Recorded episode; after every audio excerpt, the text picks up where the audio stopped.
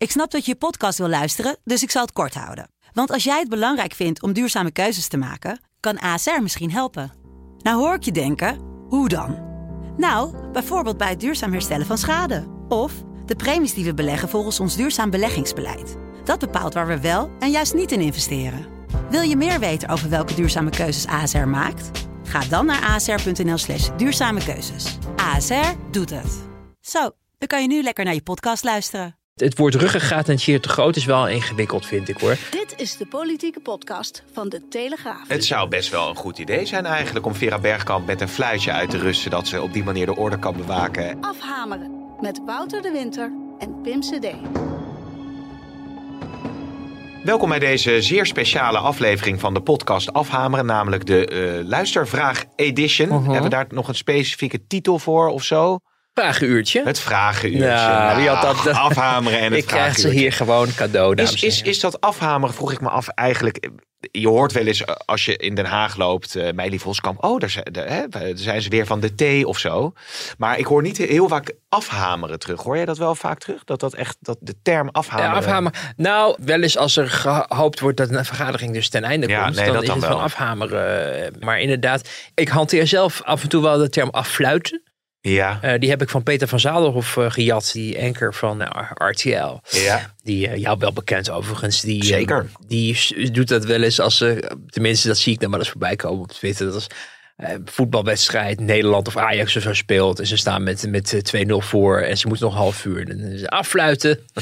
en daar denk ik wel eens aan als het de ministerraad te lang duurt. Dus dan zeg ik, stuur ik naar een enkeling in de trefferzaal nog wel eens affluiten, Nou. uitroepteken. In de hoop dat ze snel stoppen. Want we moeten nog een persconferentie doen. Het moet allemaal voor zessen de kranten in. En daarna Ja. moet het weekend natuurlijk beginnen. Het Dus- zou best wel een goed idee zijn eigenlijk om Vera Bergkamp met een fluitje uit te rusten. Dat ze op een gegeven moment eh, op die manier de orde kan bewaken en aan het einde van het debatten kan inluiden. Nou, ik weet niet of we Vera Bergkamp die eer moeten gunnen, maar ieder ander. eh Martin Bosma, ja, het zou wel, eh, nou ja goed. eh, je weet het belletje van Bomhoff, hè? Zeker, zeker, nog, zeker. is- Waar die eh, bij de ministerraad eh, Ja, mee, dat, dat eh, had hij toen. onder- Ja. Nou ja, is even uit de oude doos, maar dat was in Balkenende 1, de toenmalige minister van Volksgezondheid Ja. en vicepremier namens de LPF. Die dan het lastig vond om er in het ministerraad kennelijk af en toe tussen te komen. Omdat het af en toe een cacophonie. eh, eh, het was natuurlijk Balkenende's eerste ook. Dus die was nog niet echt ervaren voorzitter. Kennelijk. In die, in die ministerraad. En toen had ik meeste secretaresse eh, gezegd van... we hebben ook nog een belletje. Ja. Want je hebt wel in, in sommige... eh, ook, ook wel volgens mij in het buitenland... dat als je een belletje voor een hoogwaardigheidsbekleder... of vroeger natuurlijk in de, in, in de adel... we kennen ehm, misschien ook Downton Abbey... die hebben ook Mhm. overal eh, van die belletjes. En dan Ja. wist het personeel van... oh, er moet koffie gehaald worden. Donald Trump had zo'n Coca-Cola Light knop, geloof ik, in, eh, in, eh, in, in de Oval Office. Maar die, die secretaresse had tegen Bomhoff gezegd van... Nou, als je het moeilijk vindt om ertussen te komen, neem een belletje mee. Dan kan je tingelen en dan Ja. krijg je het woord. Misschien Ja. wel. Of dan le- letten ze op. En nou ja, dat, dat is dan geloof ik... Ik meende dat Heinsbroek was. Ja, Herman Heinsbroek, die trok, die, die trok Die- dat niet, hè? Hij zegt van die mafkees heeft, heeft een belletje meegenomen. En, en eh, ja, Die waren echt, echt op oorlogspad Ja. met z'n tweeën, hè, die twee. dat was wel feest toen. Ja, Ja. en, en Heinsbroek die reed ook volgens mij nog in een specifieke dienstauto, toch? eh, Nee, hij toen? had zelf een... Bentley? Ja, dat? ik dacht een Bentley, Oeh, ja. nou. Zo'n luxe ding, maar dan, daar, eh, daar reed hij dan altijd zelf in. Maar ineens kreeg hij een chauffeur. Maar hij zegt, ja, ik wil niet in Ja. ministersbolide van het ministerie. Ik heb, mijn auto is mooier en duurder. Maar ja, dan moest hij wel achterin gaan zitten. Maar die, daar was die auto niet echt voor gemaakt. Dus toen kwam hij voor, ik geloof, de eerste keer bij eh, AZ aan. En dan ging de chauffeur uitstappen. En die ging vervolgens een soort klap...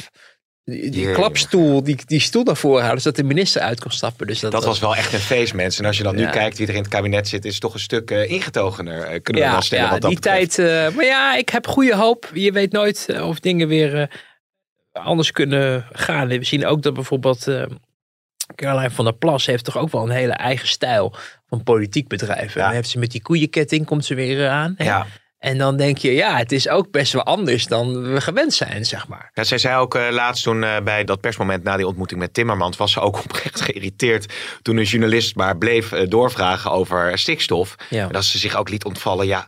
Moet ik het je dan echt blijven uitleggen? Dat is natuurlijk ook, ja, dat soort vrijheden permitteert ze zich gewoon. Als Ja. ze het gehad heeft, dan zegt ze het En een heleboel mensen die daarna zitten te kijken, die denken, hè, wat is er lekker normaal gebleven. Ja, Maar het kan zich ook tegen je keren. Want op het Als moment... de mensen geslepen worden, bedoel je misschien nog wat meer dan anders? Ja, je hebt natuurlijk nu wel de gunfactor, nog, nog lange tijd. En ik denk dat het nog ook nog wel even zo blijft. Maar je merkt op een gegeven moment wel dat op het moment dat mensen moeilijke vragen gaan ridiculiseren. Van het ligt aan u en wat, wat doet u toch altijd moeilijk en vervelend. eh, dat het zich tegen je kan keren. Dat, dat journalisten dan pinniger worden, valser. Want ja, zo, zo werkt het. Eh, die hebben het idee dat ze elke keer voor lul worden gezet. Ja. Daar kom je uiteindelijk toch niet meer weg, denk ik. Maar op het moment dat je het in ieder geval probeert, is dat eh, voor iedereen weer even wennen. Nou goed, er zijn in ieder geval eh, veel eh, vragen binnengekomen. We zeiden het al even twee weken geleden naar ik meen... dat er ook een vraag binnen was gekomen met ehm, eh, een multiple choice optie. Ja. Daarbij, hallo Wouter en Pim, hier bij mijn vragen... om ontwijkende, niet zeggende antwoorden in de trant van moeilijk te zeggen... hangt van veel dingen af, enzovoort, enzovoort te Nou, vermijden. alsof wij dat ooit doen. Stel ik mijn vragen als multiple choice met de verplichting... ja, Ja, ja, ja. om het meest waarschijnlijke antwoord eh, te geven. En dat mag, dat mag dan, staat er ook bij, vervolgens gemotiveerd worden. Alexander, die eh, stuurde eh, deze vraag. Er zijn twee multiple choice. Ik stel voor dat we de eerste nu doen en die andere komt dan ergens later in de podcast nog naar voren. Vraag 1, punt 1. Vertrek Rutte. Rutte vertrekt A. Binnen zes maanden. B. Zes maanden voor de volgende Tweede Kamerverkiezingen. C. Na de volgende Tweede Kamerverkiezingen als premier. D. Na de volgende Tweede Kamerverkiezingen voordat hij de Kamer in zou moeten. Ik vind dat best een moeilijke multiple choice. Maar ja, je moet kiezen. Ja, maar je, hij mag dus niet blijven, begrijp ik uit het keuzemenu. Nee, nee, nou ja, laten we dat dan eerst even beantwoorden. Nou ja, dat is, dat is eh, nog steeds wel iets waar ik, waar ik rekening mee hou. Ja? Want ik zie ze bij de VVD nog steeds niet iemand anders dat doen. Als je ziet dat ze de afgelopen keer de grootste zijn geworden. En in de laatste peiling zag je dat, ook al is BBB natuurlijk, gaat nu aan kop. hè. Ik geloof 31 zetels Hm. zullen die er. Maar VVD 26, nou daar zijn ze niet ontevreden over als de rest op 12 staat. Ja, Dus waarom zou je dat, dat weggooien? Maar meegaan in het frame van oké, hij gaat weg op een moment dat je het niet anders kan of zo. Want dat Ja. veronderstellen we dan mee. Dan ga ik voor de optie eh, na de verkiezingen. oké. Dat is de optie C. Na dat? de volgende Tweede Kamerverkiezingen als premier vertrekt hij dan. Ja. ja. Ja, ja. dat lijkt me het meeste, eh, het meest waarschijnlijk. Want er gaat niet zes maanden voor de verkiezingen weg of zo. Dat is niet wat hij gaat doen. En die eerste optie binnen zes weken geloof ik. Binnen Dat, zes maanden. ja, dat zie ik ook niet gebeuren. Oké, overigens kunnen we dan nu de tweede meteen even beetpakken, want dat eh, vloeit wel lekker in elkaar over. Want hij wordt opgevolgd, Rutte, als partijleider of eh, premierskandidaat, door A. Edith Schippers, B. Jezielgus, C. Klaas Dijkhoff, nou, interessant, en D. Sophie Hermans. Dan zou ik voor B gaan. Ja, Antwoord B, Bernard. ja, Dat was Dylan Jezielgus, Ja. toch? Ja, ja. ja, ja want ik, ik denk, nee, Sophie Hermans, dat, eh, dat zie ik niet gebeuren. Weet, ik denk ook niet dat ze dat zelf ambieert. En ik hoor ook wel uit... Heeft ze dat geambieerd eigenlijk? Want het heeft nu natuurlijk best een, eh, een, een zware Nou ja. tijd eh, gehad. Ik heb ooit wel eens met Dijkhoff gesproken, nog voordat hij überhaupt fractievoorzitter wa- was. Die liet ook, mag ik vast wel verklappen van hem. Dat was in de tijd dat hij nog staatssecretaris was. En die zei dat hij wel ambitie had en ook wel om fractievoorzitter te worden. Hmm. Nou, dat is hij ook eindelijk geworden.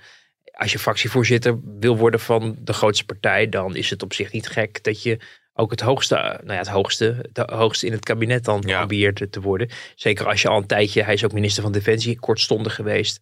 Het is altijd goed om te kijken of je iets kan doen wat je nog niet gedaan hebt. In plaats dat je terugkeert naar de oude.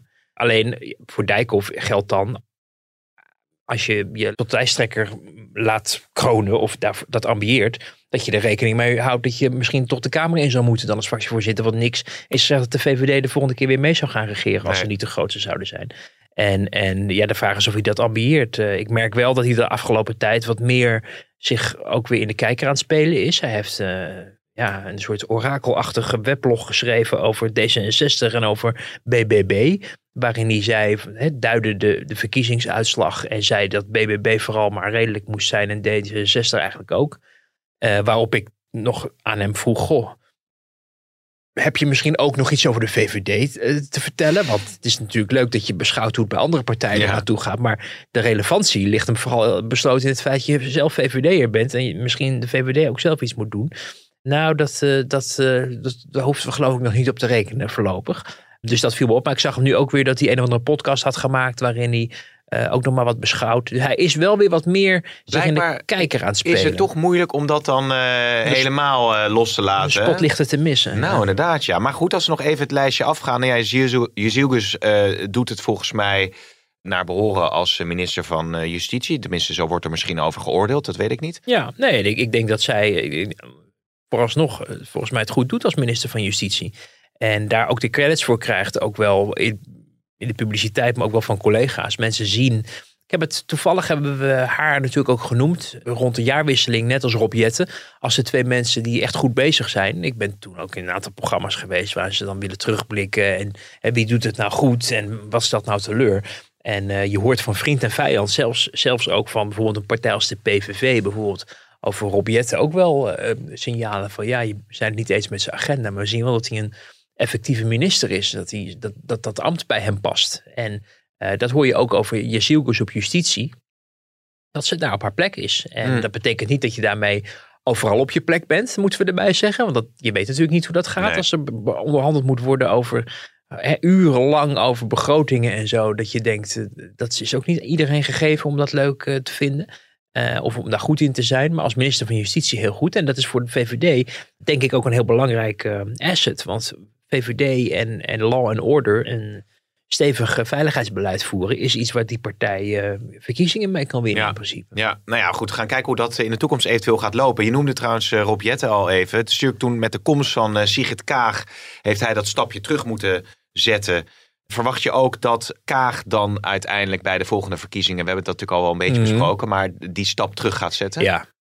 ja, ik denk zelfs dat ze het van toneel gaat verdwijnen. Ja? Ja, ik heb geen enkele aanleiding om aan te nemen dat ze nog een rondje mee wil. Ik denk dat ze eh, haar bekomst heeft gehad van eh, sowieso het lijsttrekkerschap. Ik durf zelfs ehm, me af te vragen of ze er ooit aan was begonnen als ze wist hoe het zou uitpakken. Misschien was het, had ze het helemaal nooit gedaan. Er is wel sprake van grote teleurstelling. Ook over Den Haag, toch ook een beetje de mismatch. Maar ook over hoe het debat wordt gevoerd. Over de manier waarop haar veiligheidssituatie in het geding is. Hoe haar familie daar ook onder leidt. hè. We hebben de fakkel, die fakkelgek natuurlijk gezien bij haar voor de deur. Maar ook de manier waarop eh, mensen op sociale media over haar spreken. Eh, het, het grijpt er zelf heel erg aan. Het grijpt haar familie ook heel erg aan. Eh, haar kinderen, haar man. Je merkt gewoon aan alles dat zij plichtsbesef heeft om dit ministerschap tot Ja. een goed einde te brengen. En ook niet bij het eerste zuchtje tegenwind de stekker eruit te trekken. Kan natuurlijk ook een motivatie zijn, omdat wat ga je dan daarna doen? Hè? Dan moet je Mhm. soms ook, er is ook, vang ook wel eens geruchten op dat ze al om zich heen aan het kijken is voor een, een volgende nieuwe stap. En op het internationale niveau.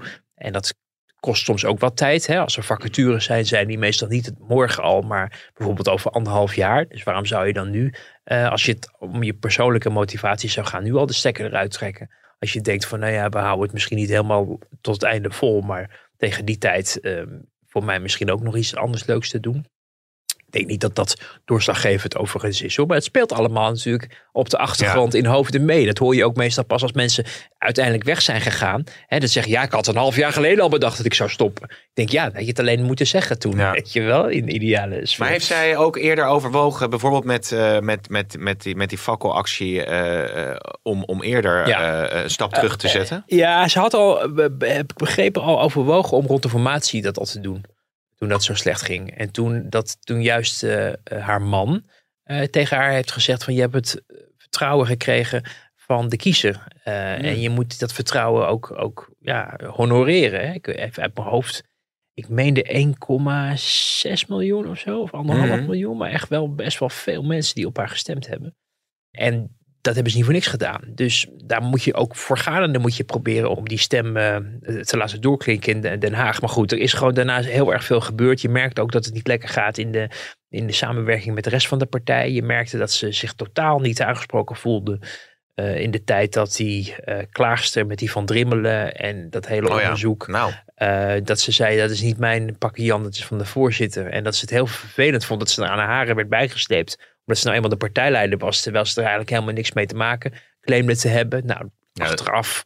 er was wel degelijk met haar contact. Ja, natuurlijk. precies. Dus dat was, maar je merkt dat dat absoluut niet is waar ze op zat te wachten. Nee. En dat is ook niet de manier waarop zij die, die, eh, het leiderschap ook wil invullen. Er is zij natuurlijk ook aangevreven om vooral over nieuw leiderschap te beginnen. En er is een bepaald verwachtingspatroon. Bij gecreëerd. Wat, waar zij ook zelf wel van ervaren heeft. Dat wat de magere mannetjes allemaal bedachten. Dat het niet per se altijd de juiste koers was. En de juiste adviezen waren. En die rare toespraak, die HJ schoollezing. Dat dat ook een misser is geweest. Dat heeft ze in een kleine kring ook wel toegegeven. Ja. Waarin ze de boel nog eens op scherp zetten richting Rutte. Kortom, iemand die niet getrouwd is met de politiek. En, en die dit als een ja, tijdelijke eh, besteding ziet. Om het goede te doen voor het land, maar niet kan wachten tot het straks in goede, goed overleg ten einde is. En dat het stokje dan weer aan iemand anders kan worden overgedragen. En dat zou zomaar Rob Jetten kunnen zijn. Dan Ja, hoewel ik las vorige week ook in de Volkskrant dat Kajsa Ollongren inmiddels Oh. in ieder geval in Volkskrant-kring eh, wordt getipt als iemand die het stokje kan overnemen. Dus dat vond ik een, een interessante. Dat gaat wel heel hard. Hè? Eerst bijna weg en ineens Nou. straks een nieuwe leider. Ehm, het zal natuurlijk heel erg afhangen van ja, ook de rest van het speelveld. We weten van Rob Jetten dat hij ambitieus is. En ik denk dus ook effectief als, als minister. Of hij een stemmenkanon is, dat weet ik dan weer niet. Nee. Eh, en dat is natuurlijk ook een, een, ja, iets wat, wat eh, D66 en de D66-leden zullen moeten bepalen. Ja. Ollongren is volgens mij een, eh, inmiddels ontwikkeld tot een goede minister op defensie. Wat we toch ook niet hadden verwacht. Want BZK was toch wel een behoorlijke tegenvaller. Zeiden ze ook zelf in de top van de partij dat Ollongren tegenviel in die vorige periode. En nu zich toch even weten te revancheren. In ieder geval op het terrein van internationale politieke defensie Ja. zich kan laten gelden. De vraag is, kan zij straks, als er voor het lijsttrekkerschap gaan, ook een ja, toch wat bredere agenda adresseren? Ze is uitermate gekwalificeerd als voormalig topambtenaar natuurlijk. Dus ze weet van een heleboel dingen, weet ze, weet ze, weet ze iets of een beetje of een beetje veel. Uh, maar ja, is dat voldoende voor mensen om te denken, oh maar daarom gaan we nu voor weer nieuw leiderschap van uh, in dit geval uh, Kajsa Ollongren? Of gaan wij terug naar Rob Jetten, waar we al een Ja. beetje van gewend waren, omdat hij een tijdje natuurlijk de partij heeft aangevoerd nadat uh, Pechtold van toneel was verdwenen. Of heeft Jan Paternotte nog ambities, natuurlijk fractievoorzitter. Kortom, dat wordt nog best interessant om te Nou, zien hoe dat de- gaat. En de vraag is wie dan bij het CDA eventueel eh, de leiding moet gaan nemen. Want daar was ook een vraag over binnengekomen van Ja. Harry Venema. Eh, die haalde nog het eh, Groninger dossier aan. En die opperde, zou dat, was dat eigenlijk geen goed, goed moment geweest voor het CDA om de stekker eruit te trekken? Om Groningen. Ja, Hè, zou het voor het CDA geen uitgelezen kans zijn bij het Groninger gasdebat? Nou, dan is dat dan bij dat debat. Hè, de stekker uit Rutte 4 te trekken. Met als argument dat het na zoveel jaren mismanagement. de afgelopen twaalf jaar en de vele affaires en leugens van Rutte. ja, dat zij niet meer verder kunnen en willen met deze man. En dan kunnen Nou, ze met opgeheven hoofd kunnen ze de verkiezingen in. Ja, nou het idee om op een gegeven moment de stekker eruit te trekken op een, op een onderwerp wat eh, tot de verbeelding kan spreken, is niet gek gedacht.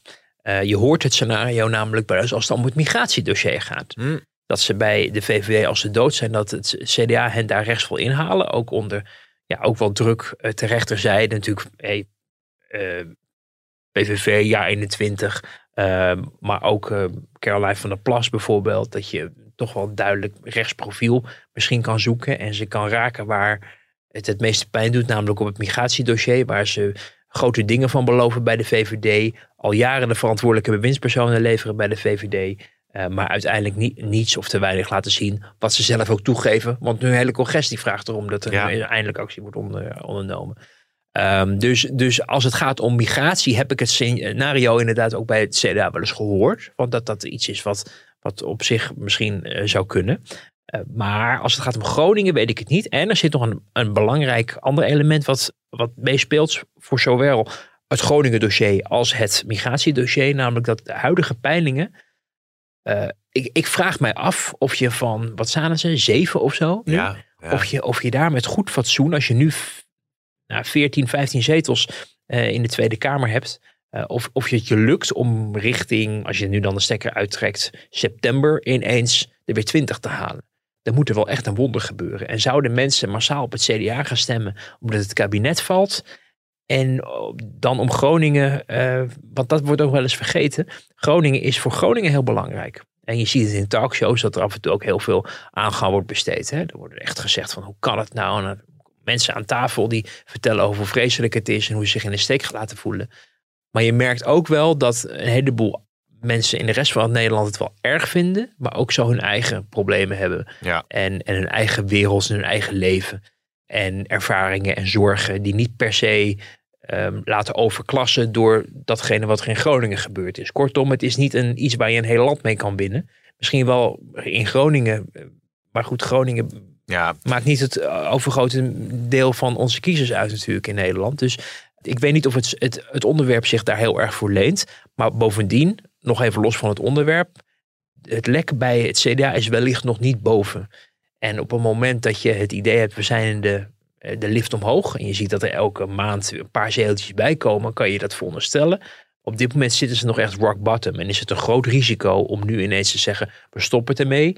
Eh, tenzij je bijvoorbeeld rond stikstof, want dat is dan wel weer echt hardcore CDA-achtig, zou nog een optie kunnen zijn. Daar hebben ze dus ook een beetje mee gefleurd. Maar inmiddels zijn zoveel mensen naar BBB Ja. eh, overgelopen dat ik me afvraag of het ook nog in het CDA-belang is om daar dan op te breken. Omdat de meeste kiezers toch al wegleggen. Ja, je, je zag, je- we hadden het net natuurlijk even over eh Balk en de 1 met, eh met Bomhoff en Herman Heinsbroek. Toen was het zo dat veel mensen in die opkomst van Fortuyn, nou ja, alles wat er toen natuurlijk is gebeurd, kozen voor de normen en waarden van Jan-Peter Balkenende. Ja. Is, is er, loopt er een Balkenende rond bij het CDA die misschien heel onverwachts nog toch een grote groep kiezers kan, kan aanspreken? Ja, bij Balkenende, dat was natuurlijk wel interessant. Zochten mensen ook een alternatief. Hè? Ja. Ze vonden soms ook LPF een beetje een waagstuk. Eh, zeker nadat natuurlijk Pim Fortuyn was vermoord. Eh, hoewel er ook wel misschien daardoor mensen uit een soort sympathy vote toch op LPF hebben gestemd. Eh, maar er was wel een groot zagrijn richting paars. En ja, dan, wie zat daar nog meer aan tafel? Nou, je had nog eh, Paul Rozenmuller. Nou, daar had Fortuyn altijd ruzie mee. Dus dat, dat was niet echt iets waar, denk ik, mensen die aan het twijfelen waren. Nou, zouden zijn overgelopen. Nou, het gebeurde ook niet. En je had die toch wat redelijke, beetje nerdachtige figuur van Balken die daar dan maar zat. En denk, ja, nou ja, die is tenminste, die had ook met Fortuyn Ja, die hadden een goede, die hadden een goede Ja, klik ergens. die werd hè? gerespecteerd, want het was mede Ja. hoogleraar of zoiets. Hè? Dus dat werd dan heel snel. eh, en, en dan zag je, zag je daar wel, eh, nou ja, een, een, een, een, een alternatief opdoemen. Dus dat hangt ook niet altijd zozeer af van de persoon die men dan in de coulissen klaar heeft staan, maar ook het, het de rest van het De politieke ook, speelveld. ja. ja, ja. En, en dat zoiets zou bij het CDA natuurlijk ook kunnen gebeuren. Hè. Het kan, horen- hopen bij het CDA ook nog steeds wel, dat op een moment dat bijvoorbeeld Rutte van het toneel verdwijnt. eh, en je zoekt iemand die ervaren is in, op het bestuurlijke niveau, eh, ook in het kabinet, eh ter rechterzijde, zonder dat je je stem aan Wilders wil geven, of aan Ja21, of aan BBB, want we weten natuurlijk niet hoe die club erbij staat op het moment dat er verkiezingen zijn. Mhm. Dat ze denken van, nou ja, een redelijke figuur zou de ervaren Hoekstra kunnen ja, zijn. Ja, ja. Eh, een andere mogelijkheid is dat dat. eh, en we horen tot nu toe ook hè, dat Hoekstra heel graag ook nog een keer wil proberen als, als lijsttrekker. Nou, dan moet hij daar ook het vertrouwen van krijgen, denk ik, van zijn partij. Maar daar hopen ze vooral dat het allemaal heel rustig blijft. En nou, de rust lijkt wat dat betreft wel weer wat weergekeerd. Behalve dan dat we de ene naar de andere, het een en ander kabel zien opstappen. Nou, inderdaad, ja. Dat is natuurlijk wel een beetje, een beetje treurig, eh, als je dat zo ziet, toch? Maar daar hadden we het vorige, Ja. twee weken geleden al over.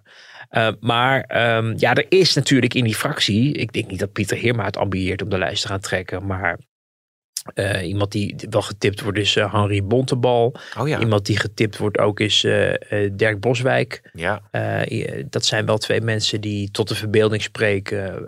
ja, ook toch wel een nieuwe generatie vertegenwoordigen, ook wel bij het CDA. En wellicht dat zij op een gegeven moment op die plek terecht zouden kunnen komen. En we hebben natuurlijk nog de Dark Horse. Hugo, Hugo de Jonge, Jonge. ja. ja.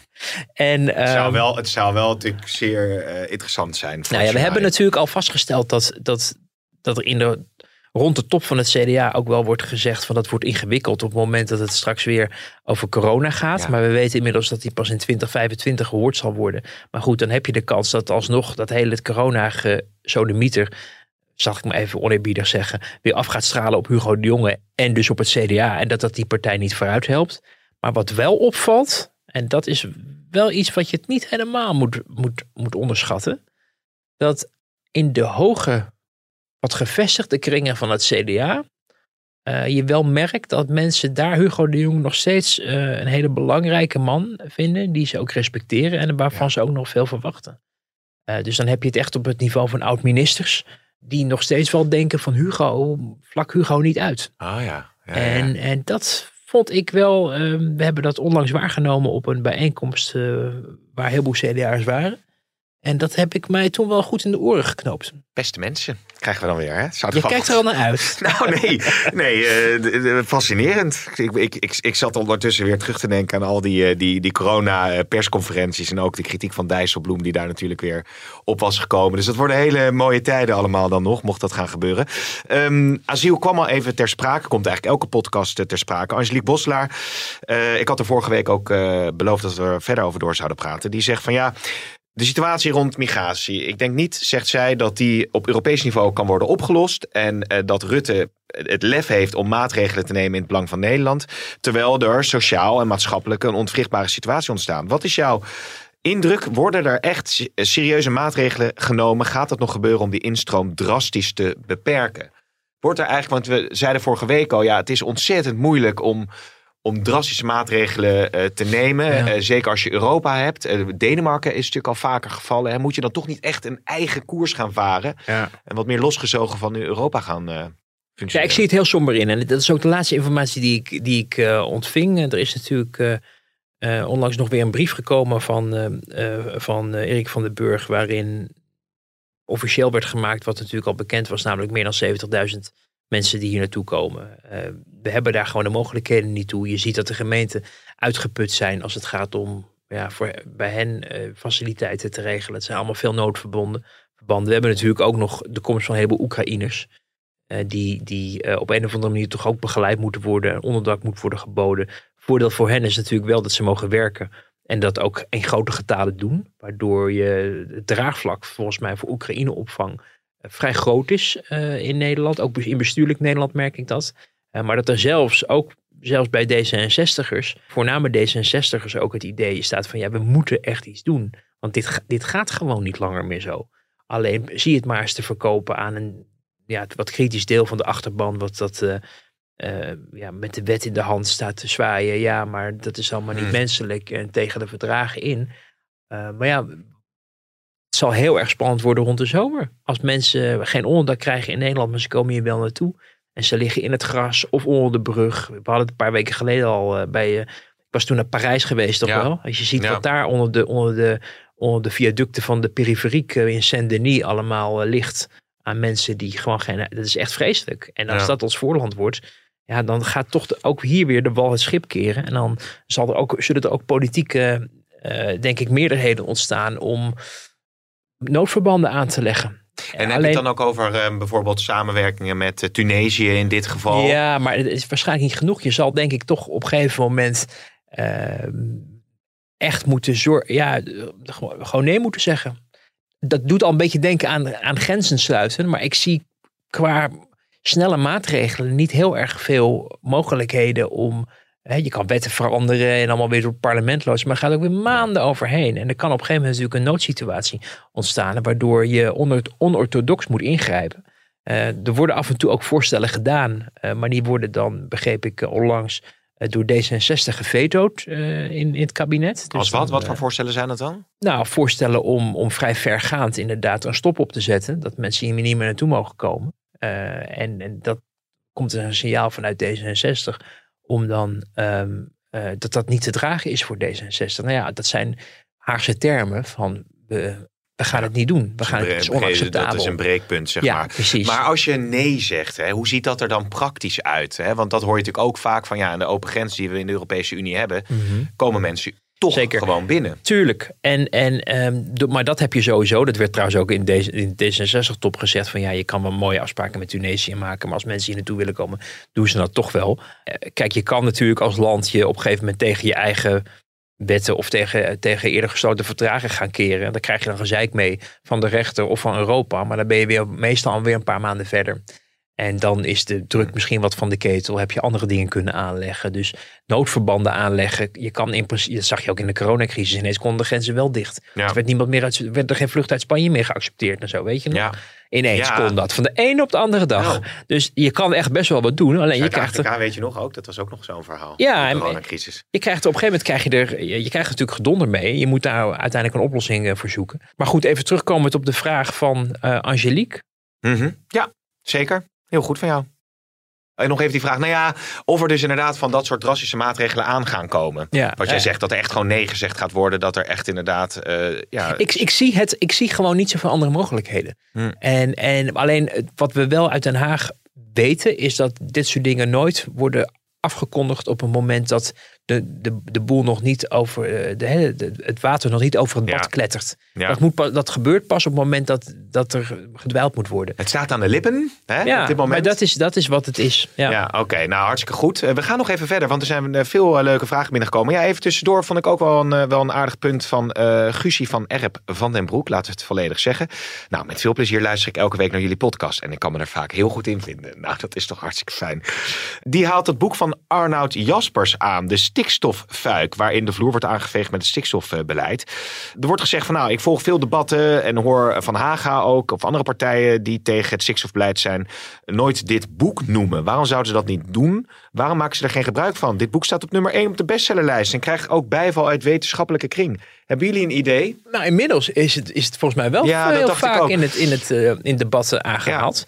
Eh, op dat boek is natuurlijk ook wel, eh, we hebben in de krant natuurlijk ook aan gaan besteed. Ik meen dat Wiert heeft er volgens mij een, een in, hele in de pagina kwestie is het, hè, met voor en tegen is het nog besproken. Ja, dus, dus en, en ehm, wat je over dat boek hoort is dat er waardevolle dingen in staan als het gaat om de, ja, de analyse, hoe dit allemaal zover is gekomen. Het boek kent ook wel enige elementen waarin eh, wel heel erg duidelijk een, aan opinievorming gedaan wordt, zullen we maar zeggen. Oftewel dat de mening van de auteur en de beschouwing van hoe het allemaal gaat heel duidelijk door erin klinkt. En die wat minder feitelijk is, maar vooral wat hij er zelf van vindt. Nou ja, het is zijn boek, dus dat kan. Hè? Ja. Maar, maar ik heb het idee dat het wel degelijk ook wordt aangehaald. Eh, alleen, ja, mensen kunnen natuurlijk van alles opschrijven. Eh, de situatie in Den Haag is natuurlijk zo dat je. Het is niet zo dat op het moment dat er een boek geschreven is, dat dan het beleid wordt veranderd of Nee. zo. Dus de, de, de doelpalen staan redelijk overeind. Af en toe worden ze door Rutte nog wel wat verschoven. Hè. We hebben natuurlijk een paar weken geleden ook in mijn column eh, opgeschreven. Dat waar Rutte, wat eerst ging over 2030, de hele discussie, ging het ineens over eh, 2025. En dat, we veert, dat in 40% van de gevallen eh, van natuurgebieden die nou ja, grenzen overschrijden. Ik, dus, ik ga even niet al, helemaal in op de details, maar je ziet dat, dat Rutte toen andere formuleringen aan het eh, kiezen was om te zorgen dat eh, eh, de, ja, de druk van de ketel kwam, dat in Den Haag niet alleen maar op 2030 gefocust werd. Ja. En, en zo probeer je dan, eh, omdat je weet dat als je iedereen zich in de loopgraven houdt over 2030, dat er dan sowieso niks gaat gebeuren. Maar dat het belangrijkste is dat je probeert dat die provincies aan de slag kunnen. En eh, met stikstofreductie. Dat betekent ook met uitkopen. Dan zit je ook met toestemming voor Europa. eh, ben je daarvoor afhankelijk. Maar dat je gewoon tijd koopt en de gemoederen tot bedaren brengt. En uiteindelijk eh, in redelijke harmonie, zeker ook in het kabinet natuurlijk, probeert tot besluiten te komen. En een, een boek is daarbij niet de doorslaggevende factor. Hoewel je ook wel merkt dat mensen het soms wel interessant vinden, omdat het, en je ziet mij ook haperen net als het gaat om die 40 procent. Ja. Het is een zulk ingewikkeld eh, onderwerp dat ook politici natuurlijk naar, en journalisten ook naar ja, handvaten zoeken Ja. af en toe om, om te begrijpen waar het over gaat, te begrijpen hoe ver we zover zijn gekomen. Alleen het, het, het, het biedt niet de mogelijkheid per se om dan ook tot een oplossing te komen. Ja. Omdat als dat zo makkelijk zou zijn, dan zou het natuurlijk al gebeurd zijn. Want er is een heleboel politiek belang bij om dit heel snel tot een goed einde te brengen. Je hoort trouwens ook eh, Caroline van der Plas eh, bepaalde zaken aanhalen in haar momenten die je dan ook weer eh, bij Arnold Jaspers ook terug hoort. Hè? Dus, Ja. dus er is wel degelijk kruisbestuiving als het volgens mij gaat over Ja. hoe kijk je nou naar de natuur in Nederland en of het er slecht voor staat en het uur is genaderd of dat je er op een ander moment, manier naar kan kijken en dat het eigenlijk wel degelijk eh, helemaal niet zo slecht Nou ja, gaat. en met en ik natuur. geloof echt in de oplossing voor dit probleem. Is er eentje waar je die in harmonie ook wel eh, met, met, met open vizier en met open ogen en oren met elkaar eh, voor elkaar Ja. moet krijgen. Dat het dus niet helpt door krampachtig te doen alsof er geen probleem is. Hè, of je het nou leuk vindt of niet. Er zijn ook gewoon rechterlijke werkelijkheden. De rechter heeft ook gesproken en we leven in een rechtsstaat. Ja. Dus je, zal niet, je kan dat niet zomaar opzij zetten. Dat kan het kabinet dus ook niet doen. Tegelijkertijd, eh, door maar te roepen, eh, ik heb gelijk en de rest niet. En het moet allemaal zoals ik het per se wil. Wat een bepaalde politicus van een bepaalde partij nog wel eens roept. En daarbij een heleboel boosheid bij boeren opwekt. Helpt ook niet. Omdat Nee. je uiteindelijk die boeren ook nodig hebt om tot een oplossing te komen. Dus eh, daarom vond ik het gesprek tussen, tussen Van der Plas en uh, Timmermans ook interessant van een paar weken geleden. Een ervaren Kamerlid zei nog tegen mij van het lijkt erop alsof Van der Plas en Timmermans in ieder geval aan de toon een stuk verder komen dan het hele kabinet met, met, met Van der Plas. Ja. Ja, dus ja, nee, dan, zeker, en zeker. ik denk ook uiteindelijk, je, weet je, het is, we leven toch in een land van compromissen. Niemand heeft de absolute meerderheid. Dus iedereen zal water bij de wijn moeten doen. Uh, om dit tot een goed einde te brengen. Ik ben bij, uh, de, in, bij deze meivakantie nog naar Boerenbed geweest in Oosterwolde. Heerlijk. Ik, ik, ik sliep daar in een boerderij en als ik het raampje opende, dan liepen de kippetjes liepen daar. Ja, en zag varkens. Ik dacht, ik zit nu heerlijk met mijn gezin in stikstofrijk gebied te recreëren. Oh. Ja, dat vond ik dan... Heel lekker braam aan het eten het hele ja, dag. Ja, alleen maar bra oh, brame taart, brame soep, alles. En brandnetel, brandnetelsoep natuurlijk. Ja. Nee, oh. nou, dat was hartstikke leuk. Uh, wie is trouwens stabieler, de, de BBB of de combinatie PvdA GroenLinks, uh, vraagt Robert zich af. Dat is een hele interessante vraag. Um, Grappig hè, voor elkaar ook wel. Ja, weet je, wat, wat iedereen dacht eigenlijk omdat PvdA GroenLinks uh, gevestigde partij zijn, dat zij dat dan wel zouden zijn. Uh, we zien nu bij de BBB, ja, zijn een paar mensen afgevallen die dan eigenlijk toch geen zin hadden, geloof ik, om in uh, de Provinciale Staten te Hmm. gaan of wat dan ook. maar de totale oorlog daar is vooralsnog niet uitgebroken. Ik denk dat men, um, zeker in de provincies waar men overal gaat of wil meebesturen en daarover aan het onderhandelen is, natuurlijk ook de macht ruikt. En wie de macht ruikt, um, ja, weet ook wel dat het, als hij verstandig is, niet zoveel zin heeft om met elkaar ruzie te maken. Uh, dus dat moment kan nog steeds gebeuren. Maar vooralsnog is dat niet gaande. En daar moeten we ons maar op baseren. Ik hoor daar ook niet op dit moment over dat men daar elkaar de tent aan het uitvechten is. Maar goed, um, je weet nooit. We nemen dit natuurlijk wel op. Het kan zijn dat op het moment dat, dat mensen dit ja. luisteren, dat er dan wel iets is gebeurd. Maar ik, ik, die disclaimer doe ik maar even in. Over PvdA GroenLinks hoor ik wel dat het rommelt, gek genoeg.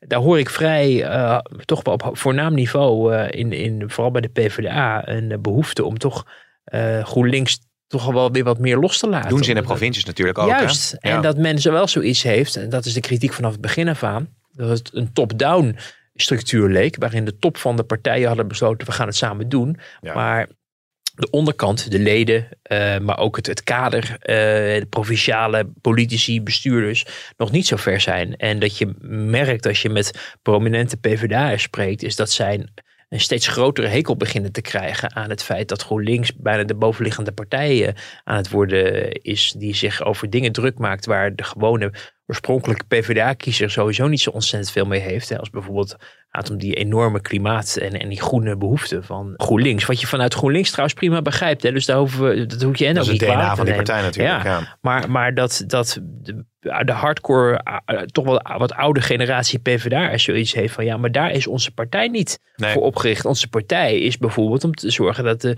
de, hè, de sterkste schouders de zwaarste lasten en dat we een schild voor de zwakkeren zijn. Dat moet ons dat moet Ja. onze aanvliegroute zijn. En dat wat je dan allemaal met klimaat wil doen, allemaal prima, leuke hobby. Maar de, de core gaat over ehm, ja, toch het verheffen van, van de, de mensen die het wat minder fortuinlijk in het leven hebben gekregen. En die een extra steuntje in de, in Ja. de, in de rug eh, verdienen. En je ziet dat inderdaad in Friesland al gebeuren. Trouwens ook een hele Tjeerd de bijzo- Groot, hè? Ja, een hele Nou. bijzondere t- tweet eh, een paar weken geleden van, van, van Tjeerd de Groot. Die dan Ja. maar ja, als een soort Ja.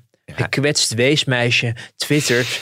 Ja, en, en dat is als je je principes eh, ver- verbrandt. En, Ja. en, en nou ja, ik weet niet even het precieze Ja, ik heb citaat een ja, stikstofsneer van de Groot naar P van de A inderdaad. Ik heb hem er nog even bij. eh, ja, dat, de oude redactie heeft dat nog even snel. de redactie heeft dat heel snel even, even opgezocht.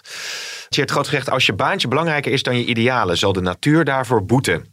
Laat de P van de A zich herkennen door haar gebrek aan groene ruggengraat. Eh, Over ruggengraat en gesproken. dan zegt Lodewijk Asscher bij, eh, over een sympathieke gozer dit. Zo enthousiasmeer je mensen voor positieve politiek. En dan zie je, hè, Lodewijk Ja. natuurlijk ook een, een, een, een, een kanon in de PvdA. eh, en, en ook nog steeds wel iemand die achter de schermen ook nog heel begaan is. Ook met de toekomst van de partij. En bijvoorbeeld met Marjolein Moorman. Wat natuurlijk een, een goede bondgenoot van hem is. En ja, de, toch wel de belangrijkste politicus in, de, in, eh, in, in Amsterdam is geworden. Ja. Toch de hofleverancier ook voor Den Haag bij de PvdA. Eh, maar inderdaad, ruggengraat. Het, het, woord ruggengraat en Tjeerd te groot is wel ingewikkeld, vind ik hoor. Want de man was ooit, werkte die voor de melkveehouders. Dan stond hij, stond hij glunderend te vertellen hoe goed het was dat, dat wij de hele wereld aan het voeden waren met onze zuivelproducten. En nu is hij ineens 180 graden om en is het allemaal fout. Ik bedoel, wat is dan precies de ruggengraat? Dus dat is een wonderlijke. Ehm, maar je ziet dat, dat nou ja, D66 natuurlijk zich behoorlijk genaaid voelt. Die doen ongeveer nergens meer mee in de Nee. provincie. Dat is voor zo'n partij natuurlijk best erg. Hè? Want die zijn de tweede partij landelijk gezien eh, met de Tweede Kamerverkiezingen geworden. En staan in, in toch een hele belangrijke bestuurslagen eigenlijk aan de kant. Volledig buitenspel. Ja, en dat is, dat is natuurlijk nogal wat. Ehm, maar dat je, dat je dus wel merkt dat in die PvdA provinciaal niveau zegt van nou ja, wij vinden het allemaal best redelijk wat bijvoorbeeld BBB voorstaat hier en daarom willen we best met ze in zee. Ja, belangrijk signaal, ook voor de landelijke partijtop, van ja, jullie kunnen het allemaal wel willen, maar wij gaan onze eigen Ja. gang. Nou ja, dat ziet de kiezer natuurlijk ook. En dan kan je op een gegeven moment afvragen van ja, waar, waar gaan de kiezers op links dan naartoe? Gaan die inderdaad massaal toch voor zo'n fusiesamenwerking? Of zoeken die een alternatief bijvoorbeeld bij de Partij voor de Dieren? Ja. Ook erg in opkomst aan het raken en een steeds salonveger ja het is alternatief. redelijk steady ook. Hè? Ja. Ja. en Volt heb je natuurlijk ook. Dus er zijn verschillende alternatieven op links aan het ontstaan. Voor mensen die denken, nou, dat, dat fusieavontuur doen we maar even niet. En D66 zijn we een beetje klaar mee. Eh, dus het is best een spannende tijd voor, voor, dit, voor dit avontuur. Of dit wel eh, bestendig is. En ik ja. hoor dus wel echt signalen. eh, ook van mensen die, ehm, die aan het kijken zijn naar volgende verkiezingen. Of dit wel eh, zo'n verstandige koers is. En of het niet vroeg of laat tijd wordt om ehm, duidelijk te maken dat ehm, die fusie er echt niet in zit. Er komen echt eh, spannende politieke tijden aan. Zoveel lijkt wel eh, zeker. Laten we er nog twee doen, want we naderen al bijna de Oh. bonusminuten. Oh, Zo ja, en dat voor een vragenuurtje. Dat is toch niet te Maar het geloven? is wel een vragenuurtje dan. Ja, dat is ook alweer zo. Nou, er kwam ook nog wel een aardige eh, vraag van Niels binnen. Daar heb je natuurlijk eerder ook wel over geschreven. In jouw, in jouw column na het bezoek aan De West, hè, zeggen we dan geloof ik. Mhm. Ook met Alexandra van Huffelen. Eh 200 miljoen wordt er over Ja. gemaakt op basis van vertrouwen. Is er niemand in het kabinet die deze pretletter nog eens gaat corrigeren? die geniet van de heerlijke Caribische Oh. keuken, van het dansen. Maar ja, Ja. dit verdwijnt, dit geld, in een aantal zakken met een snelheid waar een gemiddelde orkaan nog een puntje aan kan zuigen. Ik, vind, ik, vind, ik ben gek op onze Ik denk luisteraars. dat we onze mag, nieuwe even, columnist hier gewoon gevonden hebben. mag ik even zeggen dat ik gek ben op onze luisteraars. Want die, die, die weten dat toch goed op te schrijven. En ook zo passend. Het wordt orkaan. Ja. Waar ze in, in, in die delen trouwens nog wel eens last van hebben. Ehm, ja, ik heb er ook. Ik, ik, ik stond er eigenlijk niet van te kijken, moet ik eerlijk zeggen. Want inderdaad, in die column heb ik ook opgeschreven. Ik was toen twee weken, voor de mensen die het gemist hebben.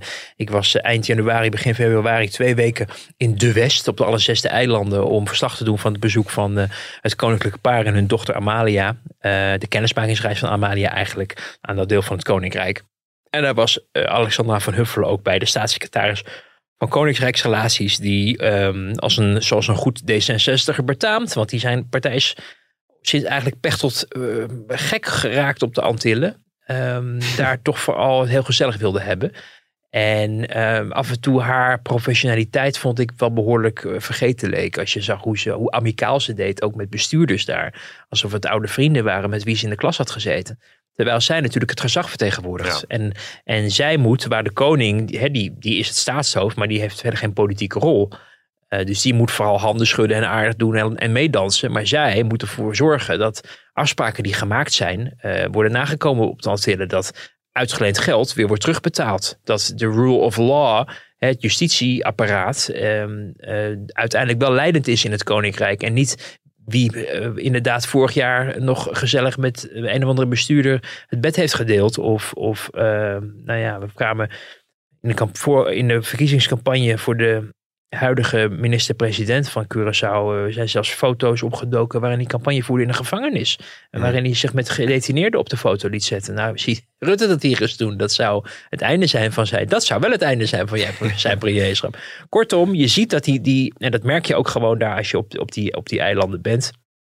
Eh, nog even los ook van de verschillende eh, delen. Want ik bedoel, Sint Maarten, ze spreken daar niet eens Nederlands.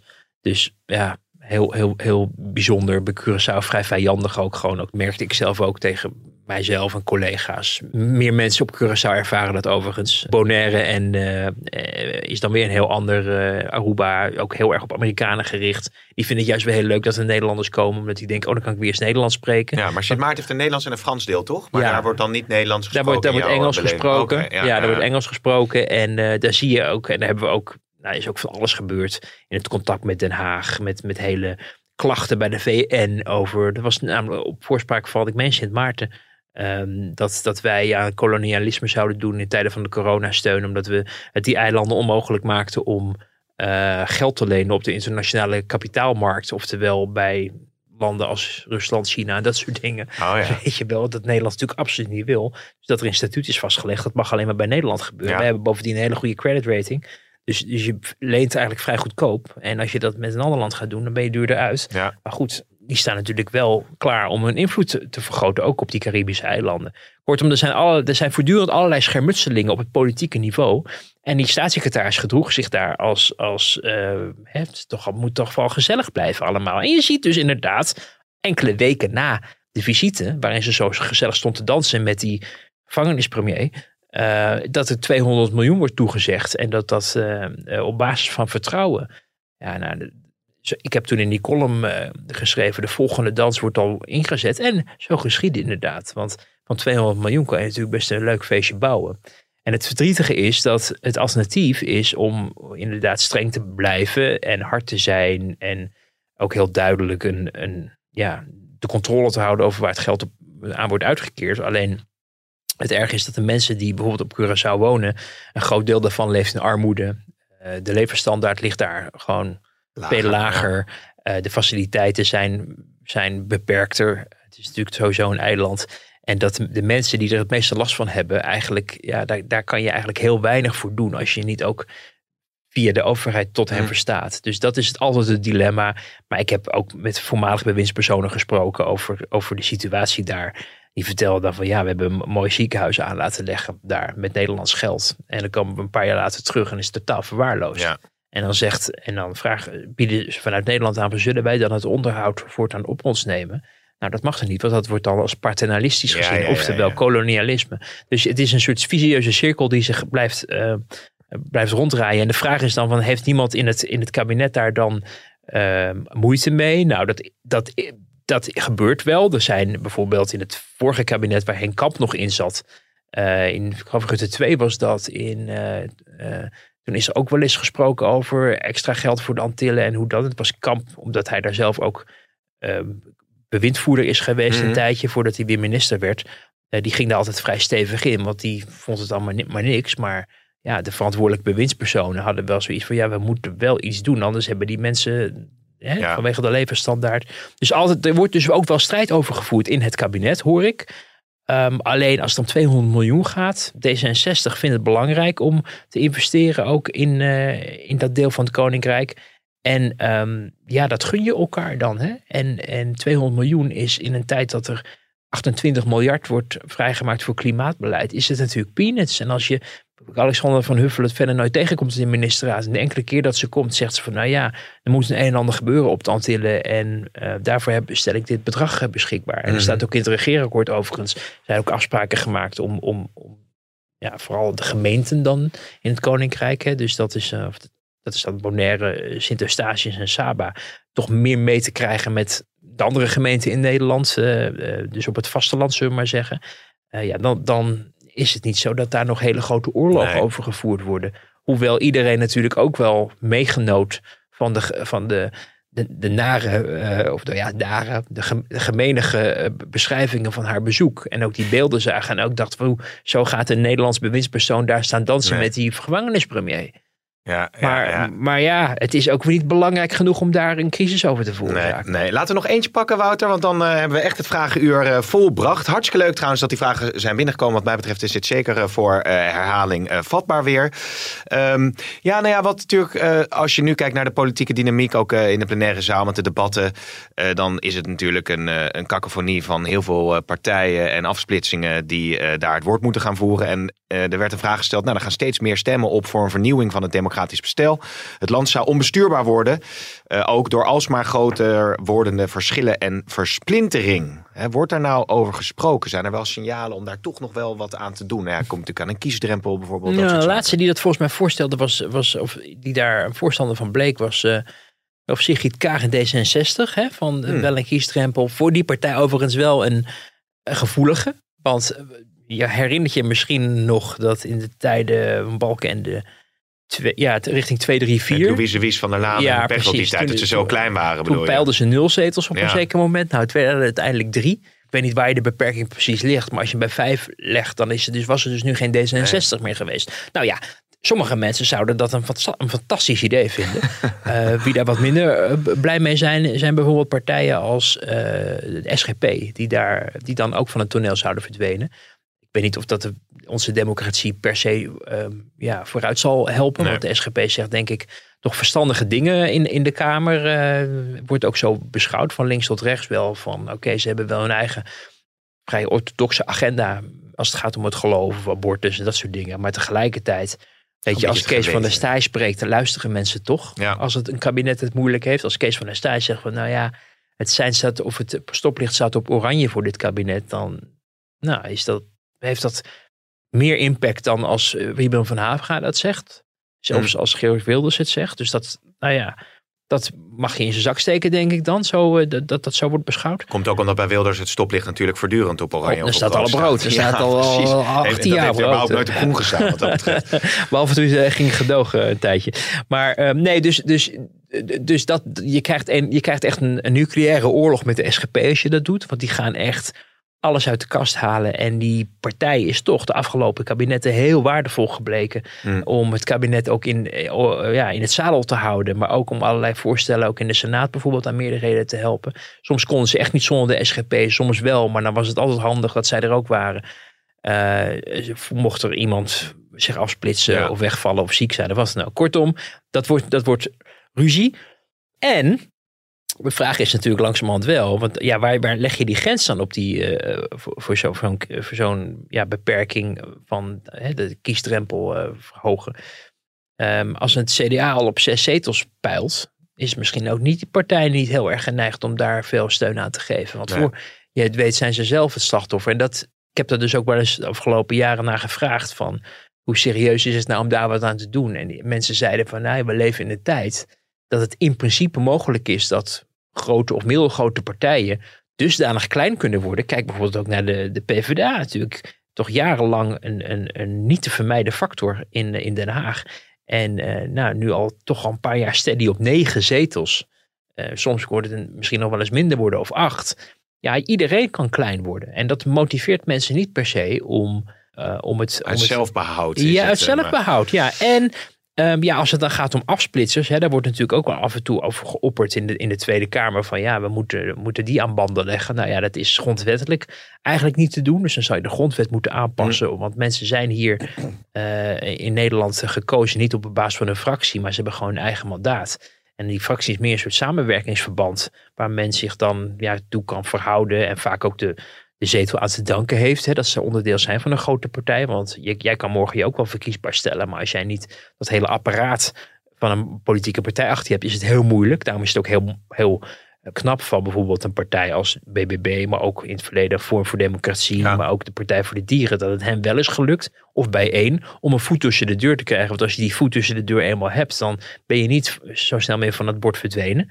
Um, maar um, het, het, is best ingewikkeld. En mensen krijgen wel de mogelijkheid om, omdat zij nou eenmaal niet kunnen worden gedwongen om voor iets te stemmen.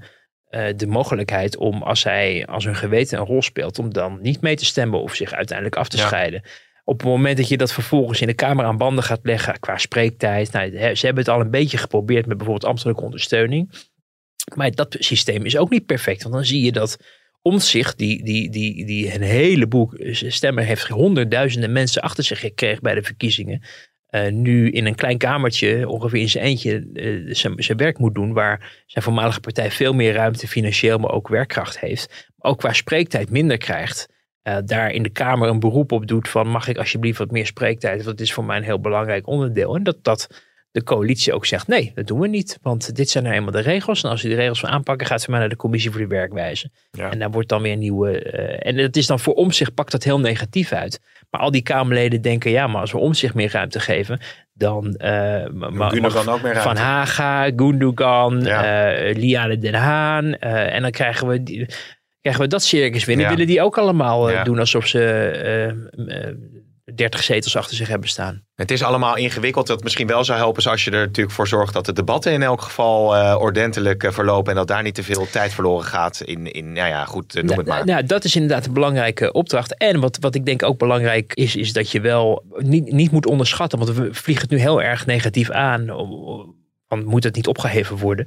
Maar het kan af en toe ook nog best een, nuttig zijn dat er ook de ruimte is voor kleinere partijen om, om daar te zijn. Hè. Het is, omzicht is denk ik nog steeds toch echt wel scherp en belangrijk in de Kamer. Op, op, zeker op bepaalde dossiers waar hij gewoon veel van weet. En daar de goede vragen kan stellen. Maar denk ook aan bijvoorbeeld Alexander Pechtold van D66 tijdens, tijdens Balken 4. Um, hij had toen drie zetels inderdaad. En dat was best wel eh, pittig en hard werken. Maar hij was een heel belangrijke oppositiepoliticus. Samen met Femke Halsema en Mark Rutte toen tegen het vierde kabinet Balkenende.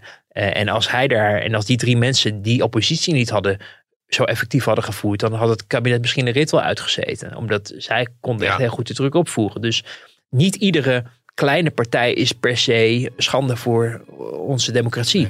Uh, je ziet wel dat er ook wel veel mensen zijn die, die, waarvan je denkt, nou, ga maar weer zitten, want we hebben niet zo ontzettend veel aan deze bijdrage. Maar we dat noemen is, geen namen, mensen. nee, maar dat is, dat is dus ja, het, het, dilemma. Ja. ja. Nou, dat was het dan weer. Dan zie je maar weer uh, waar het allemaal toe kan leiden als ja, luisteraars wat vragen insturen. Ja, ik ga het vragenuurtje afhameren. Ik zeg tot de volgende keer. En uh, dank voor het inzenden, zeg ik tegen de luisteraars, voor al jullie vragen.